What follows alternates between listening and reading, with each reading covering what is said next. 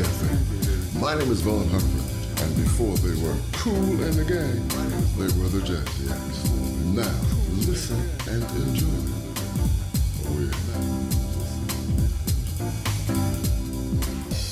Egunon lagunak Bilbo iria irratia entzuten ari zarete eta hilabetean behin egiten dugun bezala Bilbo iriaren irrati gosariak ditugu gaurkoan. Kafe antzokitik zuzenean arituko gara, orain abiatu eta ordu betez. Gaurkoan Gabonak kate joka dugun honetan kontsumoaz jardungo dugu. Gure ekonomia askundean oinarrituta dago, askunde mugagabean eta e, ekonomia ere kontsumoan oinarritzen dugu. Ertz eta arpin ezberdinetatek aztertuko dugu gai hau eta bertan saioa egiten ba, Javi Zabala eta Ibon Burgoa lankideak ditugu eta hemen mikrofono aurrean ba, neu, ane Zabala. Esan bezala, ba, gaia ez, erpin ezberdinetatik aztertuko dugu eta horretarako merkatarie txikien egoera aztertuko dugu eta saspikaleetako merkatarien elkarteko kideak gonbidatu ditugu gaurko saiora. Bilbuko gazte prekarioan asambladak Black Friday, Black Future, lelopean martxan jarritako kanpainaren berri ere emango digute kontrolik gabeko kontsumoa bultzatzen duten Black Friday bezalako ekimenen atzean, ba gazteon e, prekarizazioa dagoela salatzen dute. Horren berri ere izango dugu, beste mugimendu bat ere kontsumoarekin zerikusia duena edo gure ekonomiarekin desaskunde bizitza ona sarea ezagutuko duku. Askunde mugagabeaz eta horrek dakarrenaz mintzatuko gara maitanerekin batera, bizitza erdingunean jartzen duen eredu sozial jasangarri, ekitatibo eta justo baten beharra aldarrikatzen dute desaskunde eta bizitza ona ekimenak, ba horren berri ere izango dugu gaurko irrati gozari honetan.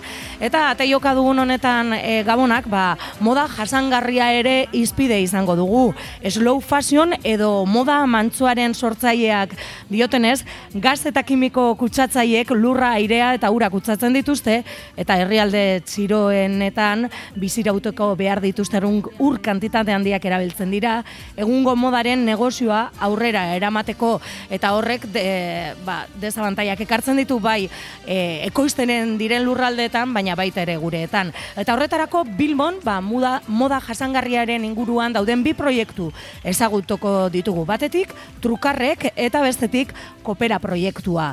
Eta saioa bukatzeko, baita ere, Gabriel Aresti Euskaltegiak antolatutako truke asoka inguruan berba egingo dugu. Ongi etorriak, ba, Bilbo iriaren irrati gozari hauetara orain abiatzen dugu eta ordu betez hemen jardungo dugu.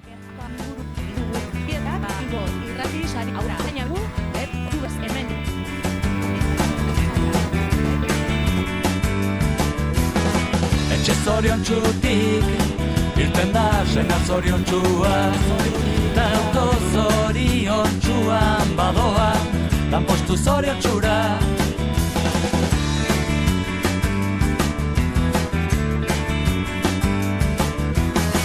Eskola zorion txuan, utzi du alaba zorion txua, kantu zorion txuekin biztu da, egun zorion txua.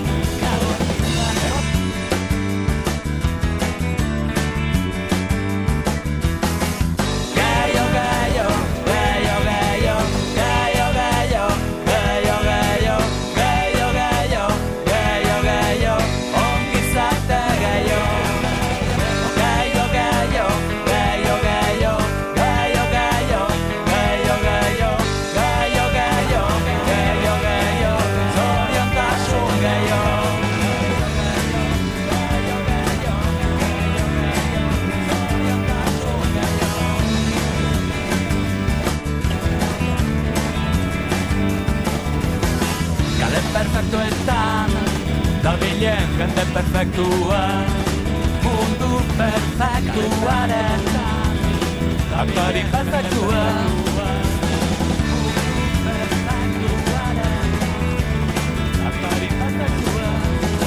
Lankide perfektuen La rosa perfektua Soldata imperfektuaren Emaitza perfektua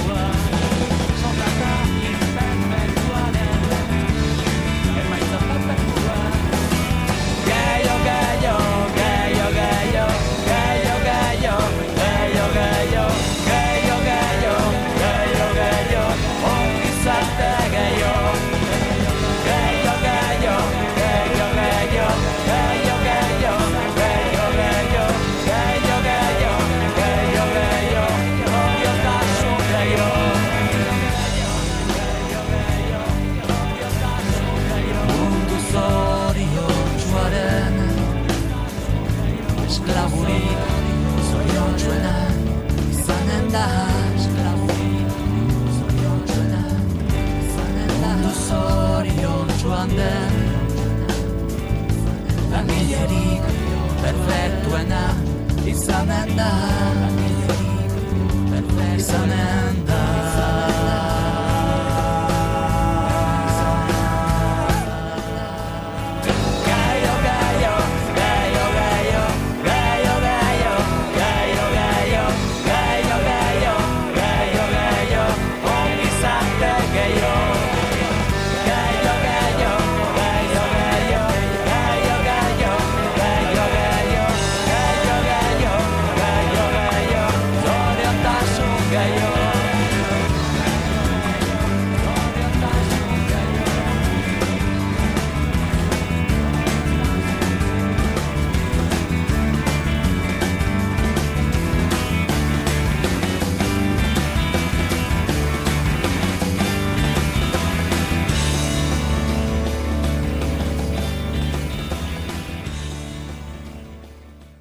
Gaurkoan, ba, bizi dugun formaz ari gara, ez, dugun ekonomiaz, kontsumoa nola e, kontsumitzen dugun edo nola egin duen gora, baina badira bestelako proposamen batzuk eta aipatu dugu e, saioaren hasieran ertz ezberdinetatik jorratuko genuela gaurko gaia. Eta gaurkoan, ba, desaskunde eta bizi ona zarea ere ezagutu nahi dugu. Eta bertako kideen maitan ere gurean daukagu, egunon maitane, Kaixo egunon. Bueno, tira, desaskunde mugimendua agian lehenengo eta behin e, definitu nahiko genuke, ez? Gizarte mugimendu bat da eta zerikusi handia dauka gaur egun bizi dugun e, ba, produktibitatea oin, ez? Baina, bueno, pizka bat, beste ausnarketa bat dakarrena. Azaldu egiguzu desaskundek e, zer bilatzen duen? Bai, ba, bueno, la pixkat orokorrian esan da, e, desaskunde izango litzateke aterki bat, non hainbat e, alternatiba e, gordetzen diren.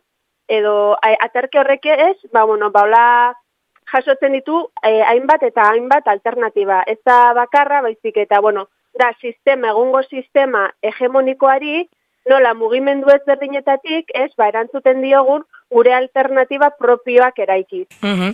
Gizarte mugimendu bat esan dezakegu dela e, desazkunde produktibismoaren aurkakoa, ez? Hau da, orain arte produktibitatean oinarritutako ekonomia honi ba, e, buelta emanda edo esango gendun. Hori da, da gehiago ba, da proposamen edo paradig, bai, proposamen politiko bat da, eta bueno, da ere bai paradigma bat, ez? Eta bueno, eta horren eh, barruan, ba, bueno, ba, ikusita ez ba, egungo sistemak zerretan olako injustiziak, zerretan olako esplotazioa, bai naturari, bai pertsonei, zer no, nolako ze, desorekak, herrialden arteko desorekak, eh, emakume eta gizonen arteko eh, ba, ezberdintasunak, ba, hoi dana, o, e, sistema guztiari buelta eman nahi dio, eta ez, e, sistemaren erdigunean e, bizitzaren jasangarritasuna jarri ez. Merkatuak ez izatea eta merkatuen logika hori e, espolio, akumulazio e, logika e, hori kendu eta bizitzaren jasangarritasuna jarri bai pertsonena eta bai naturarena. Bai, ez, e, ohituta gaude eta e, bueno, ia da ezagutu duguna, ez, ekonomia askundean oinarritutako e, kontzeptu hortan, ez, e, eta hasi, hasi, hasi eta hasi, ez. Bueno, 2010ean sortzen da desaskunde eta biziona zarea, eta aipatu dugun bezala, ba, sare bat da, ze desaskunde mugimendua mundu osoan ez, edatuta dagoen mugimendua da, mila behatzen da iruro eta marrean edo azten dana, baina gurera etorria, ez, desaskunde eta biziona sarea 2000 eta marrean sortzen da. Konta iguzu pizka bat, e, bueno, ba, nortuk osatzen duzuen sarea aipatu dugu, beraz, e, horrek esan nahi du elkarte eta mugimendu ezberdinetako pertsonak e, e, batzen zaretela, Hori da, bai, hor ikusi genuen eta hor e, oso importantea da, ba, bueno, mugimendu bakar batetik ezin dala, e, ba, bueno, ba, sistemari aurre egin, ez? Eta orduan, ba, guztion proposamenak eta aliantzak sortu behar ditugu, ba, benetako alternatiba posible bat eraikitzeko. Eta horren inguruan, ba, bueno, ba, bai, 2000 eta urtean, ba, bueno, elkartu ginen, e, bai e, gobernuz erakunde, erakundeak, garapenerako gobernuz kanpoko erakundeak, mugimendu sozialak, sindikatuak, beste elkarte batzuk, eta bueno, hasi ginen horrelako jardunaldi batzuk antolatzen, urtero urtero, bai gai ezberdinen inguruan, eta bueno, eta hori sendotzen junda, eta bueno, gaur egun ja sare bat geha, Euskal Herri Maia, ma, bueno, e, bai, sendotuta gaudenak, eta bueno, hortzen egingo dugun, urren urtean egingo dugun ja, proposamena edo ekintza potente bat izango da et auzitegi simboliko bat otsaian Bilbon eta bueno hor ba hainbat hainbat gai hartuta elikadura burujabetza ekonomiaren birlokalizazioa txaintzak eta energia ba bueno ba egingo dugu horrelako e, bi eguneko auzitegi simbolikoa ez? Ba ba pixkate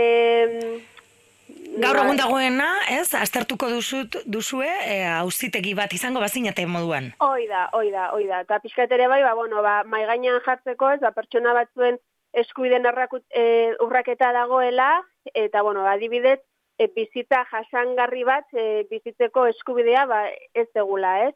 Azken finean, ba, bueno, ba, sistemak propio honek, ba, ba, ditulako, ba, bueno, ba, horrelako logika, ba, hori, produktibista, e, petrolian oinarritutakoa, kriston infrastrukturak e, ere egiten duenak, e, ekonomia, ba, bueno, ba, e, gu, kontsumitzen ditugun produktu asko beste herrialde batzuetatik ekatzen ditugula, eta gero herrialde horietan zerretan olako eraginak ebai dituen, ba, bueno, ba, ez, ez ditugu ezagutzen, eta oso latzak izaten dira normalean, eta, bueno, ba, pixkatu hori dana, ba, bizibilizatzeko. Mm -hmm. Aipatu zu maitane, e, batez ere zuen zarean, e, lau ardatz e, dituzuela, ez? Elikagai subirontasuna, hau da, jaten dugunaren inguruko hausnarketa, ez? Eredu energetikoa, ere, ekonomiaren birlokalizazioa eta zainketa. E, laurak e, oso garrantzitsuak eguneroko bizitzarako, ez?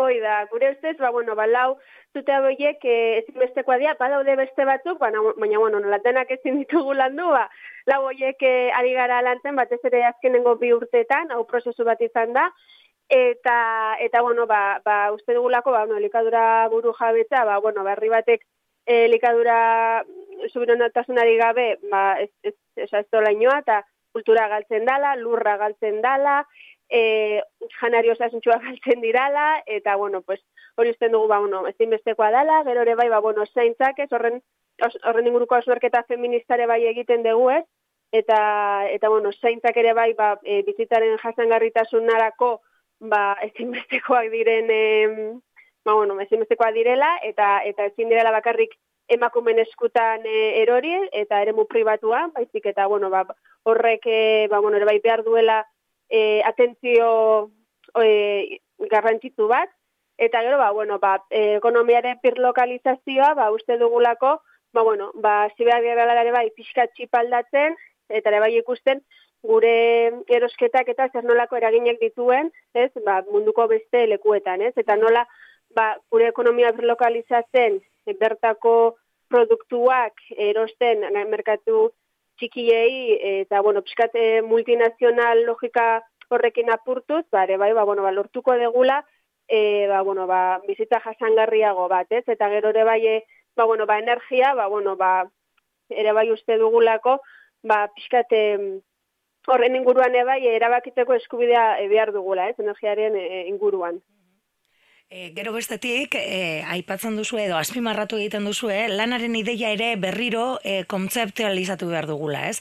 Alde bera batera usteko lana eta enpleguaren arteko baliokade, baliokidetasun faltzu hori. Hori da, ze horre adibidez beti ez, osoikoa da, ez? E, bai, e, lana, lana, lana eta lana, e, erabiltzen dugu, ba, enplegua izango balitz bezala, torrek zeiten du, ba, e, eremu pribatuan egiten diren lan guztiak inbi, inbizibilizatu, ez? Eta gaina lan horiek normalian emakumeak egiten dituzte. Orduan, ba, bueno, ba, hori ere bai, e, ba, pixkat, ba, bueno, ba, manatu behar dugu, ez? Eta, eta lana, oza, lan asko dagoela, lan asko dagoela, in, e, inbizibilizauta, eta, bueno, torrekin bai, ba, bueno, osnorketa dure bai egin genuen, eh? Mm Aipatu dugu, ez? Desaskunde bizitze hona zarea, 2000 eta maikan, e, bueno, ma, martzan jarri zen Euskal Herrian, e, nolakoa izan da e, ibilbidea? Ba, oso polita, egia esan, oso polita da eh, beste erakundekin, beste garapenerako gobernuzkanpoko erakundekin, mugimendu sozialekin, sindikatuekin ez, ba, ikustea zer eta nolako e, indarra dakagun, ez, gizarte zibil bezala, ba, pixkat sistemari e, aurre egiteko, ez, eta eta sistemak erreproduzitzen dituen e, injustiziak, e, ba, bueno, ba, ba, oien kontra borrokatzeko, ez, eta Eta egia esan oso, oso prozesu eh, ahulduntza ja ez dakit nola esaten dan empoderador. E, Ahulduntza, bai? Hori da, eh, izan dela ba guztiontzako. Uh Eta instituzioekin izan duzu interpelazio horik, eh, bueno, zuek, eh, printzipio zuen, eh, bueno, ba, zare hori sortzen, hausnarketan zabiltzate, edo eh, urrengo pausu alditzateke mm, ba, instituzioak edo eh, interpelatzea? Ba, interpelatzea baina goi, ba, pixkatera bai gure proposamenak emai gainean jartzea, eta ez ba, bueno, ez da, pixkat eragin politikoa, ba, bai, ez, ba, egitea, eta gure lanare bai, era, e, ba, ba, eragina izatea, ez, nola, bai. Orduan, e, hori, ba, etorkizun baterako, ba, bai, egila da, e, ba, mai gainean dagoen aukera bat dela. Suposatzen dut ere, desaskunden dabilen e, jendea eta bizionan inguruan, norbanako bakoitzak, ba, biziun gizarte honetako, ba, hausnarketa bat eginda hurbiltzen dala, ez? Horrelako foro batera. Bai, normalean, bai, normalean, ba, bueno, ja badakazu ez, ja ikusten duzu, ez ez ez dabilela ondo, ez? Eta, ere bai, ba, bueno, ba, horre, hurbiltzen diran pertsonak, ez, bazkenean, e, bueno, erakunde batean egiten dute, eta, eta bueno, ba, ba normalian zuk esaten dezuna, ez? E, ba, jo, ba, ikusten dez ez eta biela ondo funtzionatzen, eta guk zer egin dezakegu, ez? Segurazki zer egin dezakegula, eta, eta hori horrela da, eta ba, bueno, bortik ere bai, baina bakarrik hori, bakarrik etua zer ino, erdoan oso importantea da hori, baliantzak sortzea, eta, eta geho, ba, pixkate bai gure ideiak eta gure proposamenak ere bai sozializatzea, ez? Jendeari ere bai iristeko. Ba, hortze, desaskunde eta bizi ona zarearen e, inguruan, gaur maitane, e, zareko kidea, e, zarean, e, interneten, norbaitek, e, ba, ba, informazio gehiago nahi izan ezkero, ba, hortxe basaudete, e, ere interneten, eta zare sozialetan ere, ba, maitane, mila esker gaur gurean egon izanagaitik. Mila esker zuei. Aur. Aio. Bilbo iria irratia. Gurekin harremanetan jarri, sei lau lau, lau bederatzi, bederatzi bost, bost lau, whatsapp zenbakian. Tristras txakurri leapaindegian denetarik aurkituko duzu zure txakurraren zat. Janaria botika, kalerako komplementuak, arropak, lepokoak, korreak, jostaiuak, ilapaindegian arraza estandarren araberako hile mosketen eskarmentua dugu, baino eta salaraso tratamenduak produktu ekologikoekin. Tristras txakurri leapendegia. Agusun parkearen alboan, abandoko tren geltokitik bi geltokitara, bos minututara, bederatzi lau zei zei bat bos lau bi, tristras.net.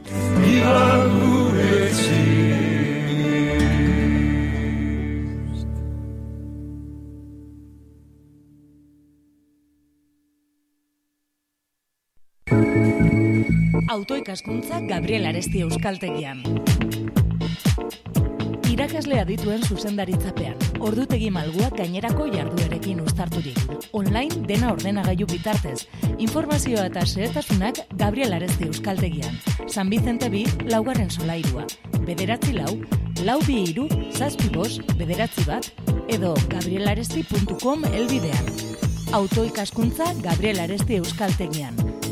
Euskara zure esku.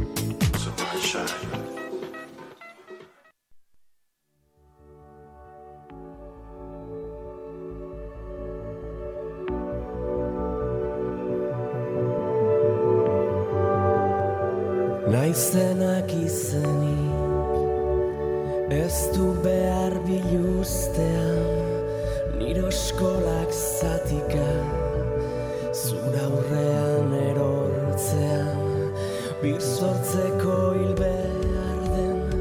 Zubionen asieran Begiratu beharrean Ikusi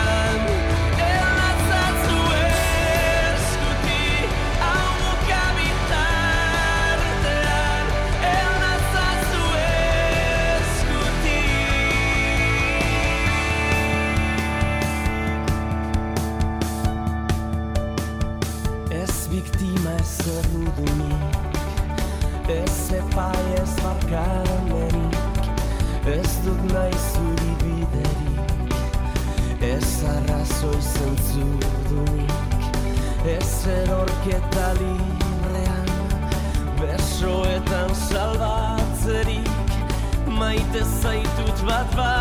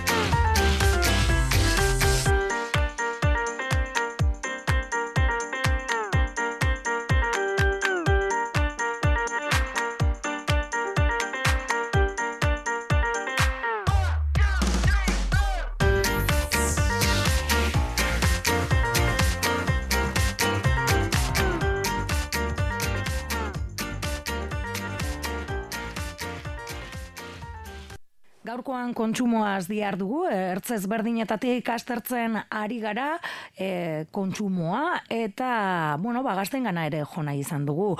Izan ere, bak Black Friday famatu horren arira, eraginek Bilboko gazte prekarioen asambladak mobilizazioa egin zuen, ba, kontsumoak dakarrenaren inguruan hausnartzeko. Horretarako, ba, Mikel ere batu zaigu, saiora. Egunon, Mikel? Bai, egunon. Bueno, aipatu bezala, e, eraginetik ere hausnarketa plazaratu nahi izan duzu, eh? ba, bai Black Friday edo bueno, Gabonen atari honetan, ez? E, kontsumoaren inguruan, ez? E, bueno, kontrolik gabeko kontsumo honen inguruan edo orain askotan e, bizi duguna, ez? O, eta biziko duguna hemendik eta Gabonak bitarte, ez?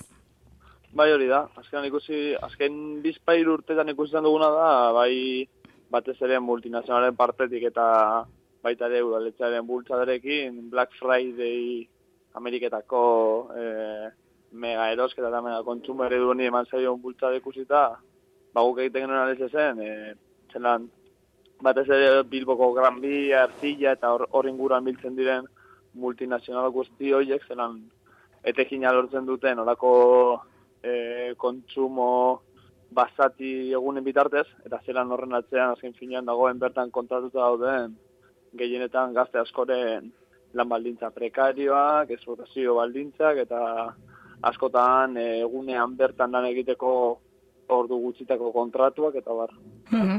Bueno, zuek ikusten ari zaretena ez, azken urteetan ere, kontsumitzeko era aldatzen ari dela, eta Bilbon bertan ere ez, eta hori gero eta bul- gehiago bultzatzen dela. Eta horrek dakarrena da, prekarietatea zuen iritziz. Bai, eta gainera datu korrela zaleratzen dute Black Friday bezalako egunekin e, tekin handien ateratzen dutenak eta pre, bueno, garaile ateratzen direnak direla dati enpresa handiak eta enpresari txikiak askotan zaitzen direla hor leian sartzen, baina ez dutela benetan horren monopolioa enpresa handiek eramaten dutela eta ja, guztion oran gizarteak aski soberan daki multinazional horien azpian dauden langile prekario horien lan baldintzak peragarrak direla, guztiok entzat hartzen dugu prekarietate basatia dagoela gazteongan, baita beste gizarteko sektor askotan ere, baina orduan egiten dugun analizia dela hori azkenean kontsumo eredu honen atzean dagoena, multinazionalen kontsumo dago, dela gazte prekarietate basati bat. Mhm. Gaurkoan ere datuak aztertu digu, ditugu, eta bataz beste, ba, mila laureun euro gastatzen ditugu, o, e, ba, e, zelan da, erropetan eta olako kontsumo, e, bueno, impulsiboetan. Karo, gazteen ikuspegitik ere, suposatzen dut, hori ere keskatzekoa izango dala, ez? Horren beste diru gastatzea, ez? E, bueno, bai, ba. gero, de ikusi genuen bai datu atzean dagoela asko dela Black Fridayen koncesionariok eta automobilen enpresek egiten dituztela bai eskaintzak. Orduan datu horiek askotan biltzen dituztela bai kotzen sale erosketak. E, guk argi daukagu datu horiek e, gobernuak ateratzen dituenean, e, gastatu ditugu 300 euro pertsona bakoitzak, guk argi daukagu gazteok ez dugula diru hori gastatzeko almenik eta 300 euro gastatzeko igual urteak behin gastatzen dugula zerbaitetan, baina orokorrean gazteon soldata miserablekin edo soldata gabekin, gehienak langabezen gaudelako, ez dugula kontsumo indizeita deltzeko gaitasunik. Mhm. E, eragin aipatu du, e, zaretela, Bilboko gazte prekarioen asamblada, e, bueno, zein izan da egin duzuen ibilbidea lantzean behin ikusi dugu, ba, kalera ateratze, atera zaretela, ba, gazteen egoeraren e, bueno, ba, berri emateko edo salatzeko e, e, momentu konkretu batzuetan, baina konta iguzu pizka bat, e, ba, ba, noiz sortu zineten eta zein izan da egin duzuen ibilbidea. Bai, ba, eragin duela hiru urte sortu zen, e, ba, gaztetarate ikusi genuela, nean, gizartean, bat, bazegoela asimilatuta, hori gazteo gran baldintza prekarioak genituela, gazte izate utzagatik, eta horren aurka antolatzeko apustu egin genuen, eta sortu genuen asamblada bat, hiru urtetan joan dena aurrera hori batez ere hil orokorra gazte prekaritatea eta Bilboko hiri eredu honek sortzen duen eta sustatzen duen gazte prekaritatea salatzeko, eta orduan ekimen ezberdinak egin izan ditugu, ba, e, udako kanpainetatik, urtean zeharreko dinamika orokorretara prekaritateen, prekaritatearen kontra. Hori batez ere azaleratzen, zelan guk be, ga- gazteok be, e, lan baldintza prekarioak normal tratatzen ditugun eta normaltasun horrekin apurtu egin behar dugula. Mhm. Eta eragin egin duzue gazteengan? Ba, ez dakit, Mhm. sektore gatzutan espero dugu gehiet gutxien, ez? Horan gure helburua da batez ere e, de, gazte langile horien gana heltzea, baita ere langabe dauden gazteen gana, eta e, horretarako bajoan izan gara sektore konkretuen gana, adibidez, iberdrola entzat lan egiten duten sekta komertzialen gana, hori realitate oso basati bat da, eta ez da, hori agian da gizartean gutxien ezagutzen dena, Mhm. baina bai... Subkontratazio horiek. Bai, sub- subkontratazioak deitzen dira, bueno, sekta komertzialen terminopean ezagutzen dira batzutan gizartean, eta dokumentalak hortik badaude, eta da, hori gazteak kontatzen dituzte, autonomo bezala inskribatzea behartzen dituzte, eta gara, esaten dieta haiek diela haien buruaren jabe eta baina benetan daude deko goera nahiko larri baten. Mhm. Tira, ostiral beltzean kalera atera zineten eta ikusiko zenuten, ez? Nola zebilen jentea erosi eta erosi, ez? E, Beherapenak zirela eta e, zuek mobilizazioa egin zenuten. Bai, manifestazioa deitu genuen plaza zirkularretik, hori gran bia guztia hartuz multinazionalek jada bere egin duten kale horretan, eta gero ergila kaletik barra joan ginen indautxu plazaraino, eta, bueno, uste baino jende gutxiago zegoen kontsumitzen, ez dakit nire mezteko arrakasta izan duen, gutienez ordu horietan, ez ebilen jende askorik. Mhm. Bueno, hala ere, ba, ibil izan jente asko kontsumitzen, orain gabonen atarian gaudela, e, gazte prekarioen asambladatik, ez dakite e, gai horren arira zerbait egingo duzuen, edo?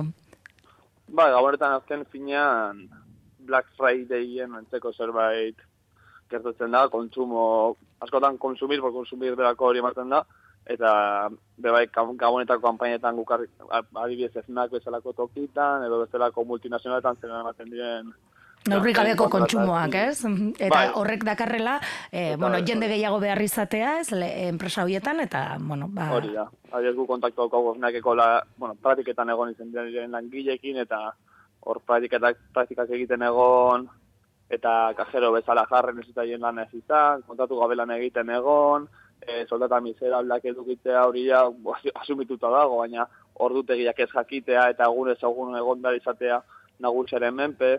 Ezken finean hori guztiak dira ikusten duguna dela kontsumo eredu honek sortzen duen Mhm. lana. Eta kontsumitzailea agian erosten dagoen hori konturatzen ez dena. Bai, ze guk hori, ba, gu bera, gu geu joaten gara kontsumitzea askotan olako lekuetara, eta gara konturatzen, benetan gaudela sustatzen argi eta garbi ukatu nahi duguna, eta horren kontak nahi duguna, eta orduan gu be kontsumo aletik, e, hori lehazin nahi dugun mesua da, gu be kontzientizan bargaila gure kontsumo ereduak, ze kontsumo eta ze ondorio, adibidez, naturalitu, baina baita ere zelako ondorioak dituen jendearen lan baldintzetan. Mhm. Pertsonengan, azken finean. Hori da. Mhm. Bueno, tira ba, Mikel, eskerrik asko gaur gurean egon izanagaitik, eta izango dugu zuen berri beste batean ere. Mi esker zoi, Agur. agur.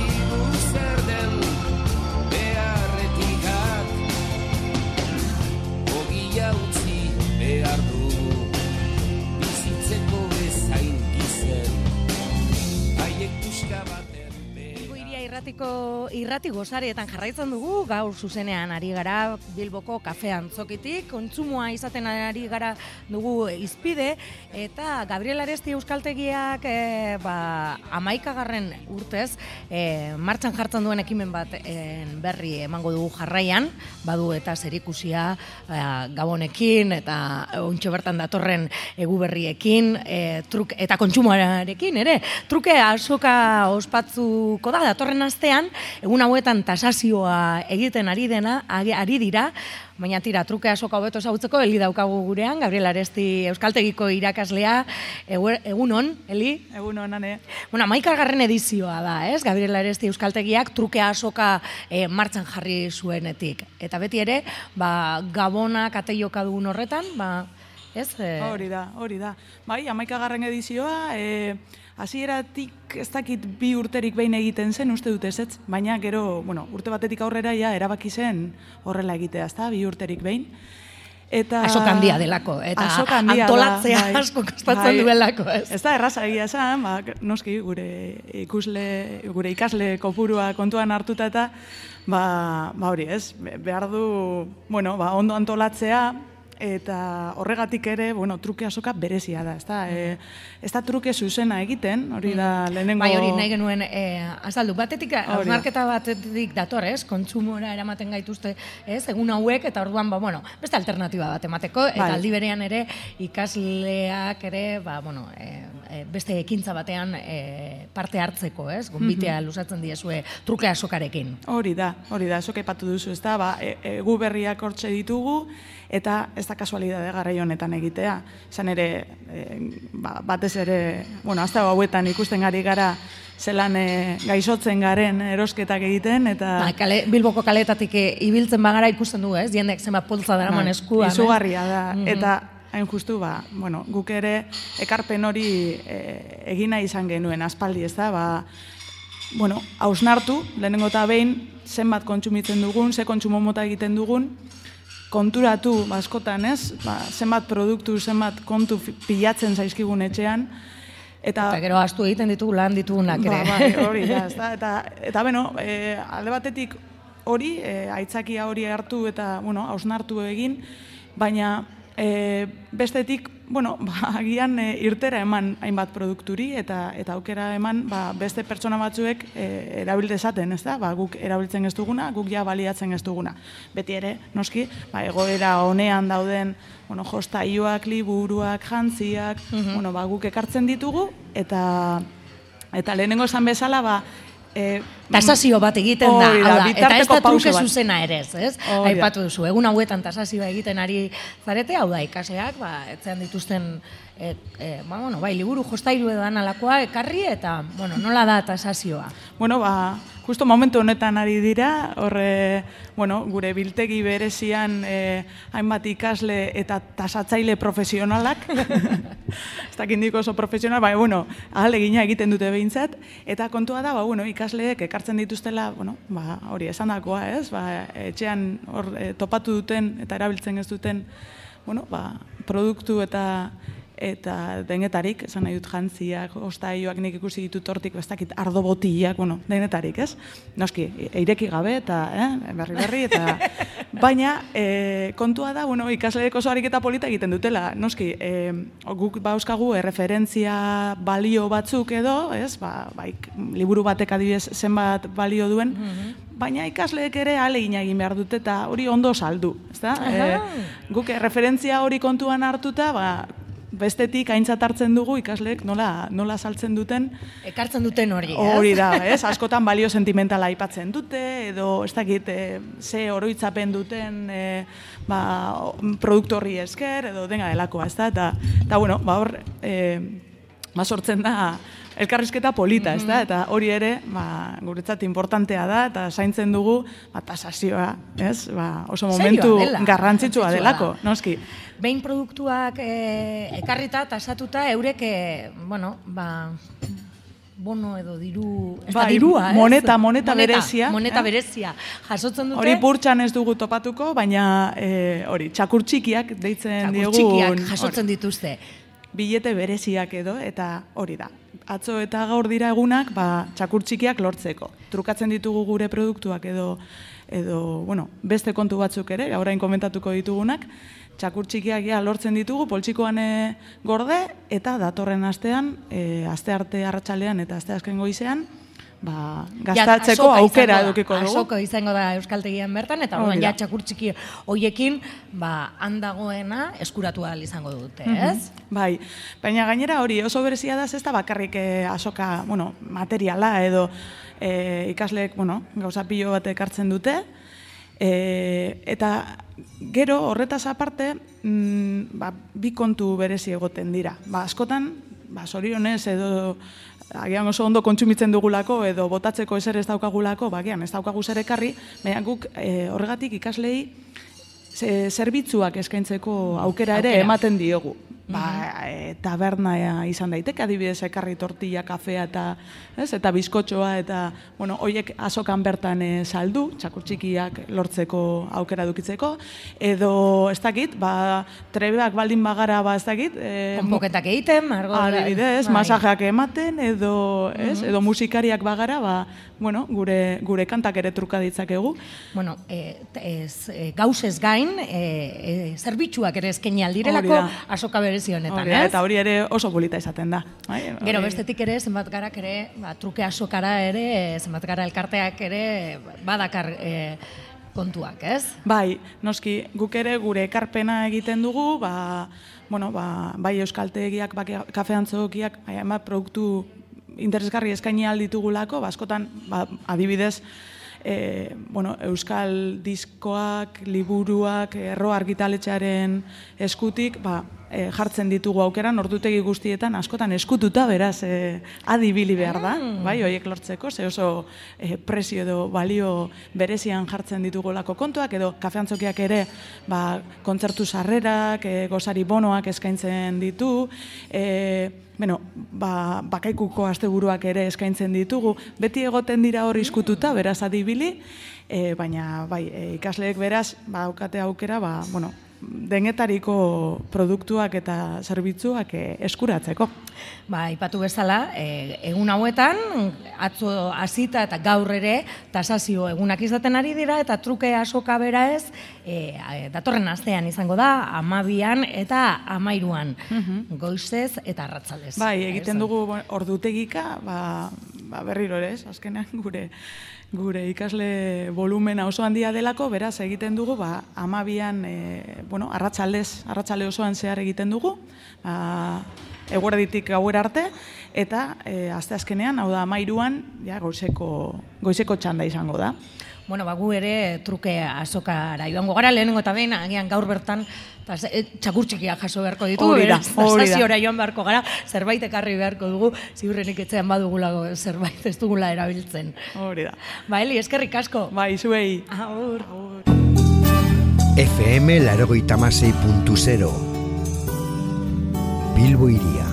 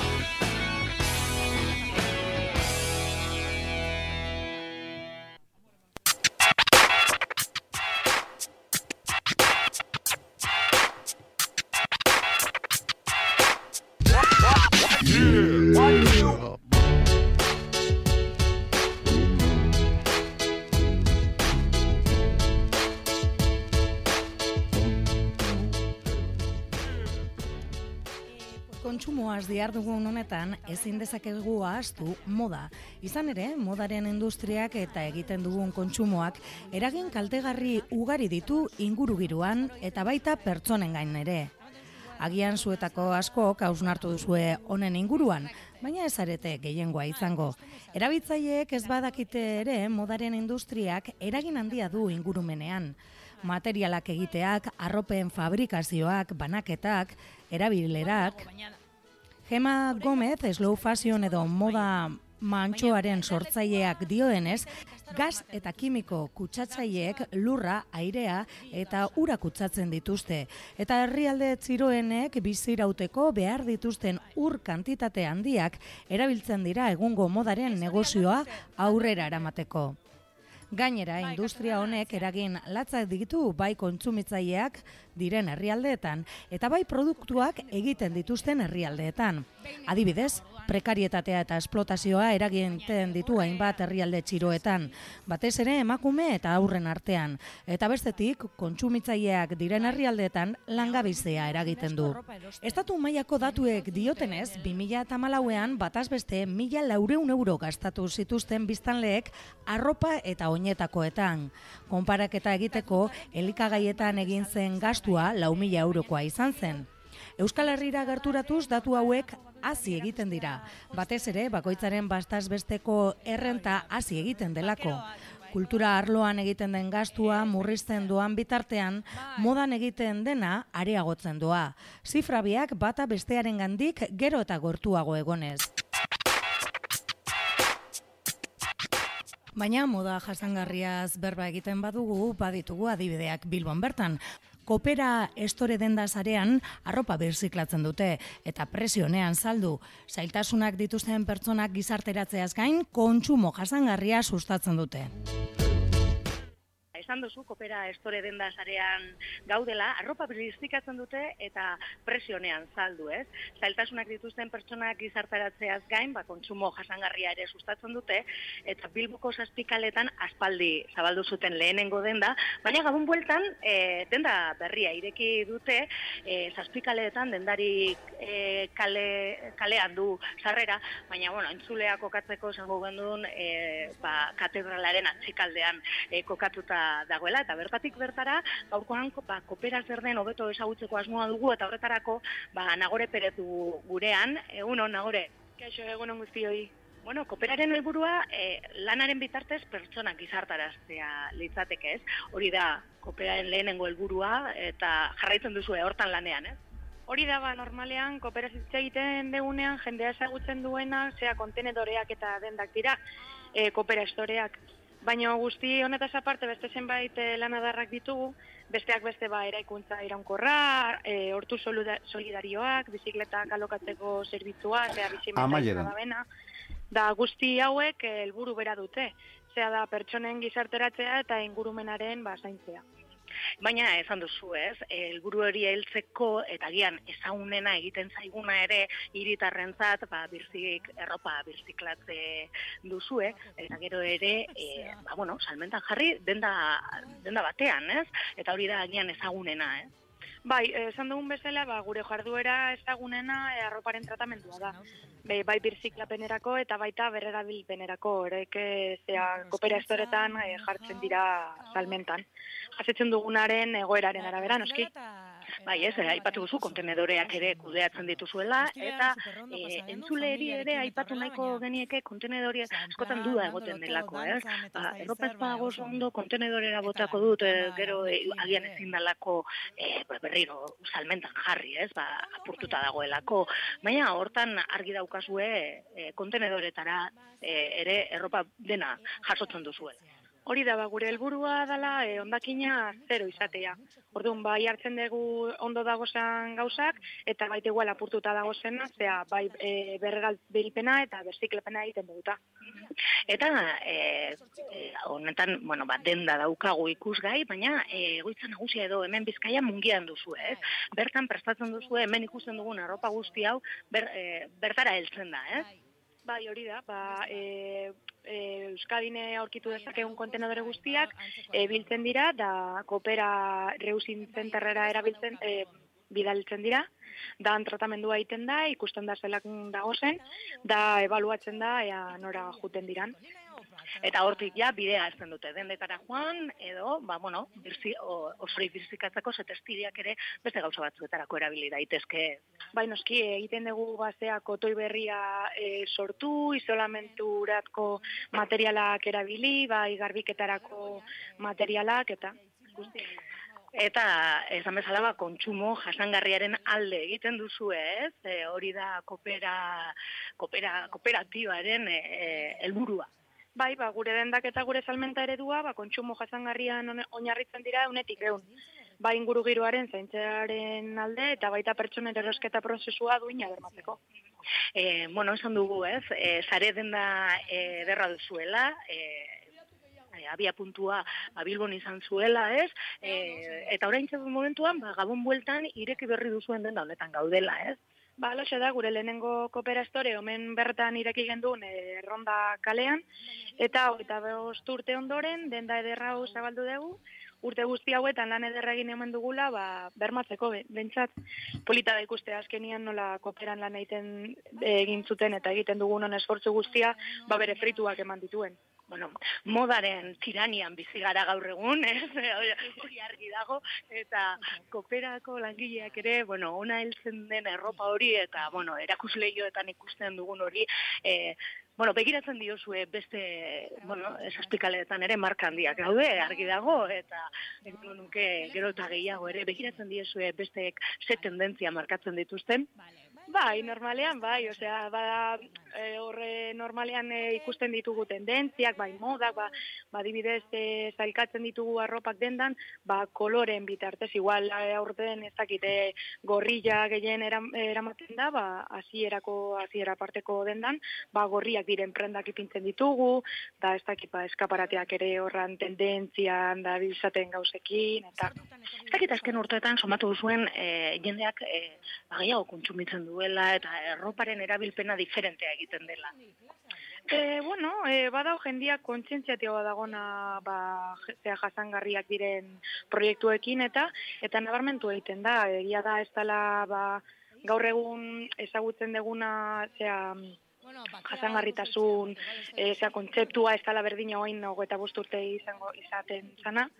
Baina nabarmentzen da, igual ez da eskara oaintxe bertan, zera, Europar batasuneko beste bestekoekin ba nivel beran, baina pizkanaka pizkanaka ba zea gizartea kontzientzatua egiten da. Suposatzen dut zuek ere e, somatuko zenuten aldaketa, ez? E, e, bueno, jendeak ezberdin begiratzen duelako duela hogei urte edo hogeta bost e, kopera denda, estore denda hau eta hauei, eta gaur egun, eh? Karo, indagon varietatearekin eta pues, jende asko osea, kritikoagoa izaten da eta badaki zea bere guztuak zeintzuk diren, da guk bagauz hor pues, zea ikusten, haientzako ba, zerbitzurik onena emoteko. E, ez du aipatu, baina aipatzekoa da, erroko birziklatua denaz, ba, bestelako presio batzuk dituela, ez? Pues, eh, bai, esaten gu, ba, zera, gure bitarteko prezioa iru euro prendarako dira. Eta referentzi modura, esaten dugu, ba, zera, kooperastore look bat lortu dezakezula, hogeta mar bat eurotan. Ba, ikusten duzu, ba, zela, prezioak nahiko merkeak dira, eta proiektua jasangarria, jasangarria esateko gutzieneko prezioa eskaintzen degula. Eta aipatu dugu denda berri honetan gaude, abendu hasieran irekitako denda berri honetan, ba, denetariko erropak ez eh, ditzakegu txikintxoentzako egia zen apalak e, bete-betea daude, txikintxoentzako erropa, e, emakumean gizonak zapatak, e, foltzak, e, jostaiuak, Bai, bai, ikusten desun modula, moduan, ba, bi pixu dituen denda honetan, bai emakumentzako gizonentzako, eta neskamutientzako moda daukagu, bai oinetakoak eta osagarriak ere.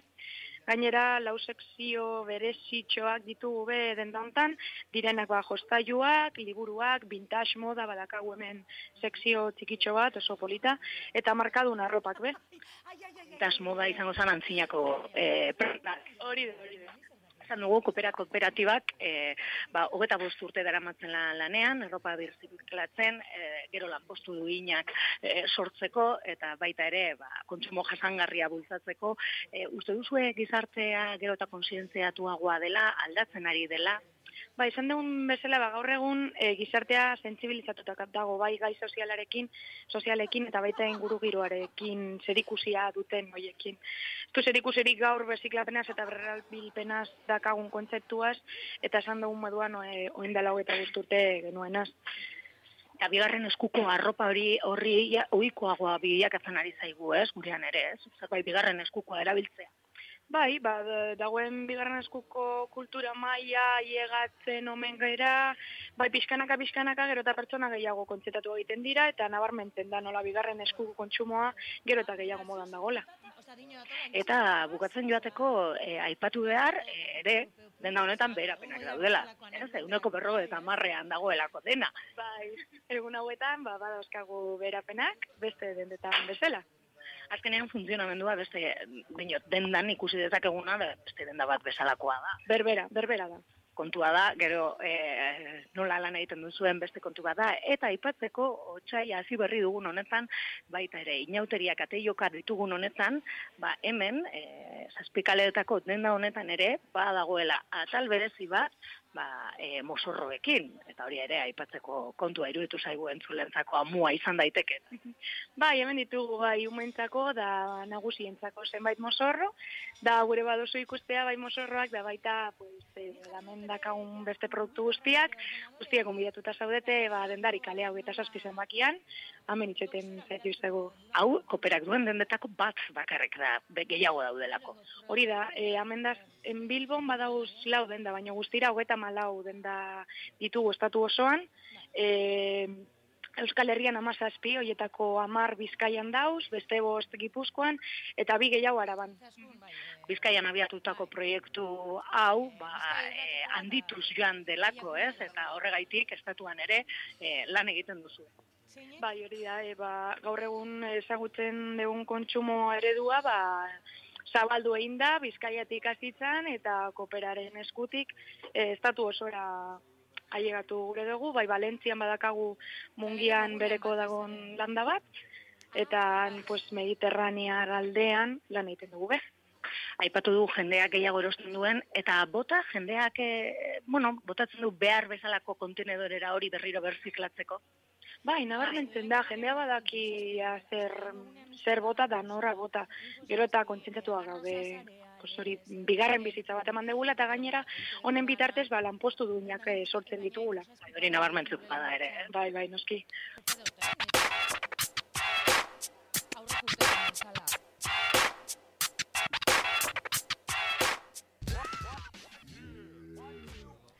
Dena den, egoera aldatzeko helburuz Bilbon hainbat proiektu jaio dira moda jasangarriaren alde eta jendearen kontsumo ohiturak aldatzeko asmoz.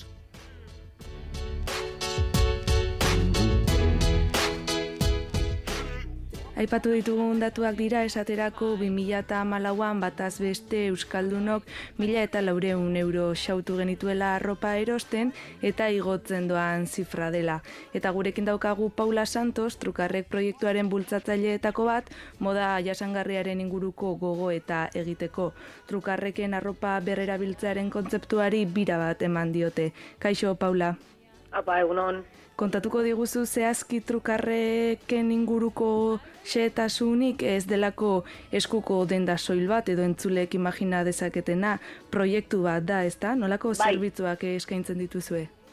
Ba, proiektu hau e, hasi izan ondala zazpi sortzi urte inguru, eta ba, hori helburu esan, e, hori, e, hainbeste diru gastatu beharrean e, arropa barri erosten, ba, dagoen arropa ondo dauena edo edo botatzeko bebai, ba, berrerabili. Eta berrerabili eta ikisteko bebai guk bebai, zela- zelan da birziklatzea ez bakarrik, ba, hori, sukaldean ez etxean, ez, arroparekin bebai. Eta kontzientzia bat sortzeko, ba, ba hori, ba, mm, ez erantzaten da, ba, so, em, mm, ba gure inguruan. e, e, bai, eta hori, eta hasi ginen, eta ba, orain ja, ba, hori, iten dugu danerik. Mm, iten dugu bufanda, gorroak, e, frakak, e, danerik. Eta, Eta dena da e, e, erabilia. Eta tailerrak ere ematen dituzu, ezta? Bai. Bai, tailerrak ere bai. Bai, jendeari kontzientzia sortzeko, be bai, garatzeko. Mhm. Bai. Eta Bilboko biztanlek ze ohitura dituztela esango zenuke, badaude kontzentziatua birziklapenaren inguruan eta edo oraindik geratzen da egiteko? Ba, ondino bai, ondino seguru gelitan dala, bea bai egondala urte honatik ona egonda aldaketa oso oso ona. Oe, honen inguruan, ba, ze, ba, guazi ginenetik, ba, zieran zan gauza barri bat, atzenean, ba, hori, zuke zozeres ezagunereko zunean, ba, eh, tienes más recelo, ez dakizelan, ba, hori, ba, gauza berritarako, bea, oin, e, ba, kontzientzia aukin de ja, ba, hori, birziklatzen dugu etxean, birziklatzen dugu autobus hartzean, tranbide hartzean, ba, oin, arropa naia da, e, zartzean da bizen beste gauza bat, ja. Mhm. E, hauren bizitzetan eta ikusten da, da, da erantzun ona, Mhm. jendearekiko, bai. Eta em, proiektu hau sortzea erabakitzen dutenean, e, gabeziak edo beharrak somatzen zen dituzten Bilbon? Izan zan, e, ba hori bai, e, gogoak bultzatutakoa. Zerbait ezberdina egiteko, eta hori ba, ba bai, ba gure, ba hori, gure aurnazk, guteko gure aurnazketa gure, gure buruen, ba esan, ba esan zaurien, ba, bueno, ni niten hasi hasieratik. Bea, Raulek eta Enarak eta besteak, intzaurien, ba, ba hori, aurnazketa, e, aurnazketa bat, abertze gure zaurien aurikin, zara aurintzako ba ona, eta eta biruet moten badutzi, ba, hobeto, bea hori kontzientzia, kontzientzia buruen, eza sorstantzian arzaurien zabaldu denda bat arropa barrizkoa. Eta, Ba, sorreratik galdetuko dizutea e, ze bilakaera izan duen proiektuak, em, geroz eta jende gehiago hurbiltzen den zuen gana, edo zuek nola bizi duzuen hori? ba, bai, hori bai, e, gero eta, ba, txenean gero eta kolektibo gehiago dauz, ba, danen inguruen, eta horiek, eta ekologia moduen, birziklatze moduen, urten dira ba, gauza asko gure gure munduen, orduen etorri dira gero eta gehiago e, guri tailerrak eskatuten, proposatzen udaletxetatik, e, bueno, e, leku pribauetatik bebai, eta ikusten da bai dagoela gogo gehiago, e, ba, jendearen inguruan, bai. Oi, bai. horrek ere zueri jarraitzeko indarra emango dizu, Bai, bai, bai, bai, bai, ze, bai, egon dira momentu batzuk eta direla jo, ba, igual da gauza bat e, ez dala bardine ba hori. Igual e, zuki pintea zure dirue ikesteko, e, zukal, zukaldatzen ikasteko arropa egiten ikaste, ikasteko baino. Orduen jendeak ba, gauzak horrik ba izten dauzalde batera, igual. Bera goin kontzientzia hartute ikusten atzenean aurreztuten dozule eta eta etikoki oso ondo dagoela burureko. Osa, bai, sentitzen zara oso ondo. Eta bai, ikusten da ho- ho- hobekuntza oso, bai, oso, oso gutxua. Bai. Oso ondo, Paula. Ba, mila esker gurekin izateagatik eta modaren munduan ba, bide gehiago daudela erakusteagatik. Gogoraraziko, gogoraraziko dugu ere bai, eh, trukarrek egoitza Bilboko 2 de maio kalean daukazuela, ezta? Trukarrek proiektuaren inguruan aritu gara, norberak bere arropa zaharregi bigarren aukera bat emateko jaiotako proiektua. Berrerabiltzeak duen garrantzia azpimarratu nahi izan dute, eta aldaketa txikietan agian jada erabiltzen ez ditugun jantziak berriz jasteko aukerak zabaltzen dizkigu. Hala ere, moda jasangarrian aurrera egiteko badaude beste aukera batzuk ere. Sarritan entzuten dugu jasangarriak diren produktuak, orokorrean garestiak izaten direla, baina adibidez, bigarren eskuko dendak badaude eta horiek oso ekonomikoak dira. Eta bestetik edota ekoizle txikiak daude, baliteke multinazional handietan kamiseta batek hiru euro balio izatea, eta moda jasangarrian hogei. Behar bada hogei euroko kamiseta batekin nahikoa izango dugu. Gainera, produktuak aimerke egoteak badu mezu bat horren atzean. Zenbat ordaindu zaio ekoizleari, hiru euroko kamiseta errentagarria izateko. Edo zein material ere dira prozesua hainbeste azkartzeko. Moda jasangarria bultzatzen duten ekoizleek materialen aukeraketa kontuan hartzen dute, arropa egiteko prozesua zaintzen dute, edota bidalketan eragin litezken kaltea kontuetan hartzen dituzte. Norberak bere erabakiak hartu behar ditu noski, baina guk gaurkoan bide desberdinak erakutsi ditugu, aukeraketa errazteko.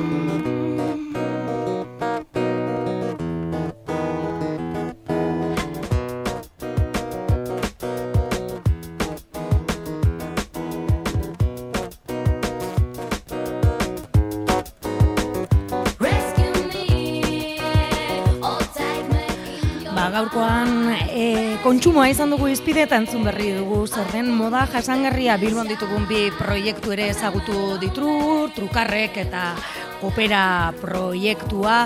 E, kontsumoa ertz ezberdinetatik astartu dugu, desazkunde mugimendua ere ezagutu dugu, gazteen iritzia ere jaso dugu, eta Gabriel Arestin datorren astean ospatu behar den truke asoka ere izan dugu izpide gaurko Bilbo iriaren irrati gozarietan.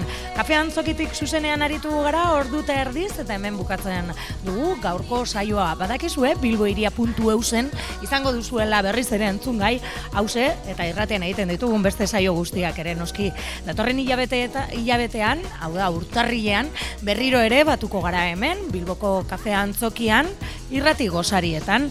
Eta bihartik aurrera, Bilbo iria irratianen sintonia, ba, durangoko asokaren berri emango dizue, antze izango bait gara, eta asteburu luze honetan, ba, durangotik arituko gara.